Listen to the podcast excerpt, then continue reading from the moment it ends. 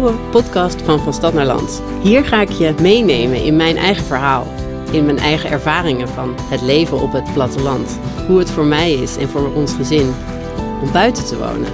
Ik geef je het echte verhaal en misschien ook een paar tips. Heel veel plezier met luisteren. Hallo lieve mensen, welkom bij weer een nieuwe aflevering bij de Van Stad naar Land podcast. Ik loop in het bos. Dus dat hoor je op de achtergrond, denk ik. En het is nu al heerlijk. Ik ben pas net onderweg. En ehm, misschien hoor je ook wel wat wind door de microfoon. Ik zal even een wat beschutter paadje zoeken. Maar ik ben dus in het bos en de zon schijnt tussen de bomen door. De wind ruist door de blaadjes. Er vallen best wel veel eikels naar beneden. En ik wilde even wat dingen met jullie delen. Ik heb even de rust opgezocht in deze hectische markt. Want daar wil ik het eigenlijk even met jullie over hebben. Over die hectiek op de huizenmarkt. Um, het is nu september 2020 nog steeds coronatijd. En sinds corona is er echt een run op huizen buiten. Met meer ruimte. Landelijk wonen is nog nooit zo populair geweest. Dat is natuurlijk precies wat ik met veel van mijn klanten aan het zoeken ben. Maar het is echt niet normaal wat voor stormloop er is bij woningen die, nou, dat ruimtegevoel, dat landelijke gevoel hebben. En het maakt bijna niet uit waar het is in Nederland. Ik heb zelfs verhalen gehoord over Noordoost-Groningen, waar het giga druk is. En er mensen op de wachtlijsten geplaatst worden voordat ze mogen bezichtigen. En ik merk dat ook. Ik um, word vaak gebeld van joh, we hebben een leuk huis gevonden, maar we mogen er niet meer bij. We staan op de wachtlijst. Kun jij nog iets voor mij betekenen? En dan ga ik dat uiteraard proberen. En in veel gevallen lukt dat nog wel met wat geluk of wat professionele overredingskracht. Maar een aankoopmakelaar helpt dan soms toch echt wel. Maar ook ik, ik kan geen wonderen verrichten. Maar het is gewoon echt bizar. En elke makelaar doet het dan weer op een andere manier. Want soms uh, moet er een motivatiebrief geschreven worden waarom je het huis wil zien. Moet ik eerlijk zeggen, vind ik wel een leuk idee. Want ja, hoe filter je anders de 50 mensen of de 30 mensen die mogen komen kijken?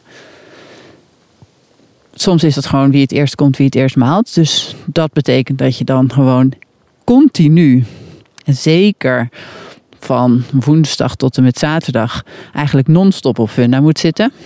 Omdat dan de meeste huizen worden aangemeld.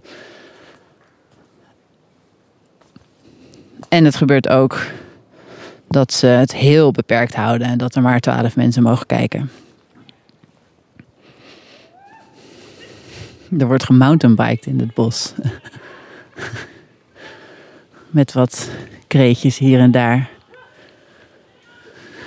Oh, het is geen mountainbike, het zijn elektrische steps.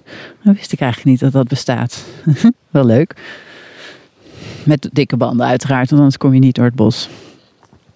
Maar goed, even afdwalend. Ik wil jullie eigenlijk een paar tips geven. Want in deze bizarre huizenmarkt is het belangrijk om je eigen gevoel te volgen. Om goed voorbereid op weg te gaan. Om je te realiseren, wil je echt verhuizen? Want voor de lol een bezichtiging doen, dat hoef je eigenlijk nu niet te doen. Dus bedenk eerst, wat zoek je? Wat wil je? Waar wil je dat? En als je dat dan weet, dan ga je lekker rondjes rijden. Gewoon op avontuur in die omgeving. Kijken of het bij je past, of het gevoel goed is. En ook als er een huis is waarvan je denkt, ja, dit wil ik zien, rijd er langs. Wacht even, verkeerd om. als je een huis ziet wat aangeboden wordt waarvan je denkt, ja, dit is het, dan ga je natuurlijk als eerste bellen met de makelaar of een bericht sturen. En daarna ga je er naartoe om te kijken of het inderdaad wel op een mooie plek ligt. Want dat gebeurt echt heel vaak dat de locatie toch niet aanspreekt. En dat je dan dus eigenlijk een bezichtiging aan het doen bent, terwijl je van tevoren misschien al had kunnen weten dat dat niet jouw huis zou zijn. Belangrijk dus. En dan um, bieden in een oververhitte markt. Hoe doe je dat? Nou, eigenlijk altijd op inschrijving. Dat betekent dat alle partijen een eenmalig voorstel mogen doen. En dat is dan in een, nou, we zeggen wel eens in een gesloten envelop, maar het gaat natuurlijk niet in een envelop. Het gaat gewoon per mail. Maar het betekent dat je een gesloten bod doet. Dus ja, eigenlijk je allermooiste voorstel leg je dan bij de verkopende partij neer. En dat doet iedereen. Iedereen laat zich van zijn mooiste kant zien. En dat gaat over geld, uiteraard. Maar het gaat ook over de voorwaarden die aan dat bod hangen. Dus je voorbehoudt financiering, wel of niet een bouwkundige keuring, gewenste oplevertijd. Nou, hoe flexibeler je je daarin kan opstellen, hoe fijner dat vaak is voor de, voor de verkopers. Dus vraag ook bij de makelaar wat de voorkeur is voor verkopers. Hebben ze al een ander huis? Moeten ze nog gaan zoeken? Willen ze snel? En probeer je daar dan in te voegen. Nou, financieringsvoorbehoud, dat is een groot punt waarvan heel veel mensen het weg willen laten, omdat ze denken dat ze dan betere kansen maken. En dat is natuurlijk theoretisch ook zo, want voor een verkoper betekent dat dat je sneller uh, definitief verkocht hebt. Maar als koper neem je daar natuurlijk wel een behoorlijk risico mee. Dus dat is ook iets wat ik mijn klanten nooit adviseer. Dat is echt iets wat ze zelf moeten beslissen en moeten kijken. Het hangt ook heel erg vanaf hoe je financiële situatie eruit ziet. Maar het komt erop neer dat als je zonder voorbehoud financiering koopt, dat je dan eigenlijk zegt: Nou, ik weet zeker dat ik die koopsom bij elkaar krijg op het moment dat ik dat huis afneem. En dat je dus de onzekerheid weghaalt bij de verkoper. Als je dat financieringsvoorbehoud er wel in houdt, heb je namelijk zes weken de tijd uh, om de bank te overtuigen dat zij jou dat geld moeten gaan lenen. En in die zes weken is het huis dan verkocht onder voorbehoud. Nou, je hebt natuurlijk van tevoren goed je huiswerk gedaan. Want dat zeg ik jou, dat heb ik al meerdere keren gezegd. Dat adviseer ik ook altijd. Zorg ervoor dat je precies weet wat je wel kunt en wat je niet kunt betalen. Dus je huiswerk heb je goed gedaan, maar die bank die gaat pas naar jouw cijfers kijken en naar het huis en of ze het echt, echt, echt aan jou willen lenen op het moment dat die koopakte getekend is. Dus je gaat altijd uit van een inschatting. Nou ja, dan is het aan jou of je dat durft of je dat voorbehoud eraf durft te halen. Het risico wat je daarin loopt, is dat als je het niet voor elkaar krijgt om dat geld te lenen, of als de bank alsnog zegt: Ja, nee, sorry meneer of mevrouw, die uh, drie ton die u wilt lenen, dat is echt te veel, dat gaat niet.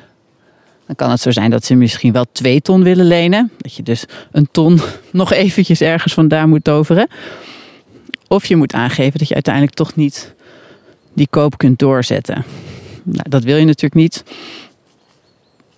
En dan kan er ook een, uh, een fikse boete gerekend worden van 10% van de koopsom. Um, dat is dus wel een hele belangrijke. En dat is ook iets waar nou ja, het fijn over is, denk ik, om daar gewoon even goed je over te laten adviseren. Voorbehoud financiering. Ik zal dus zeggen, laat het erin, maar zorg ervoor dat je zo specifiek mogelijk bent over wat je moet lenen. Als je eigen geld hebt, zet dat erbij. Want dan neemt het risico voor de bank ook af en vinden ze het natuurlijk ook wel sneller fijn om jou dat geld te lenen.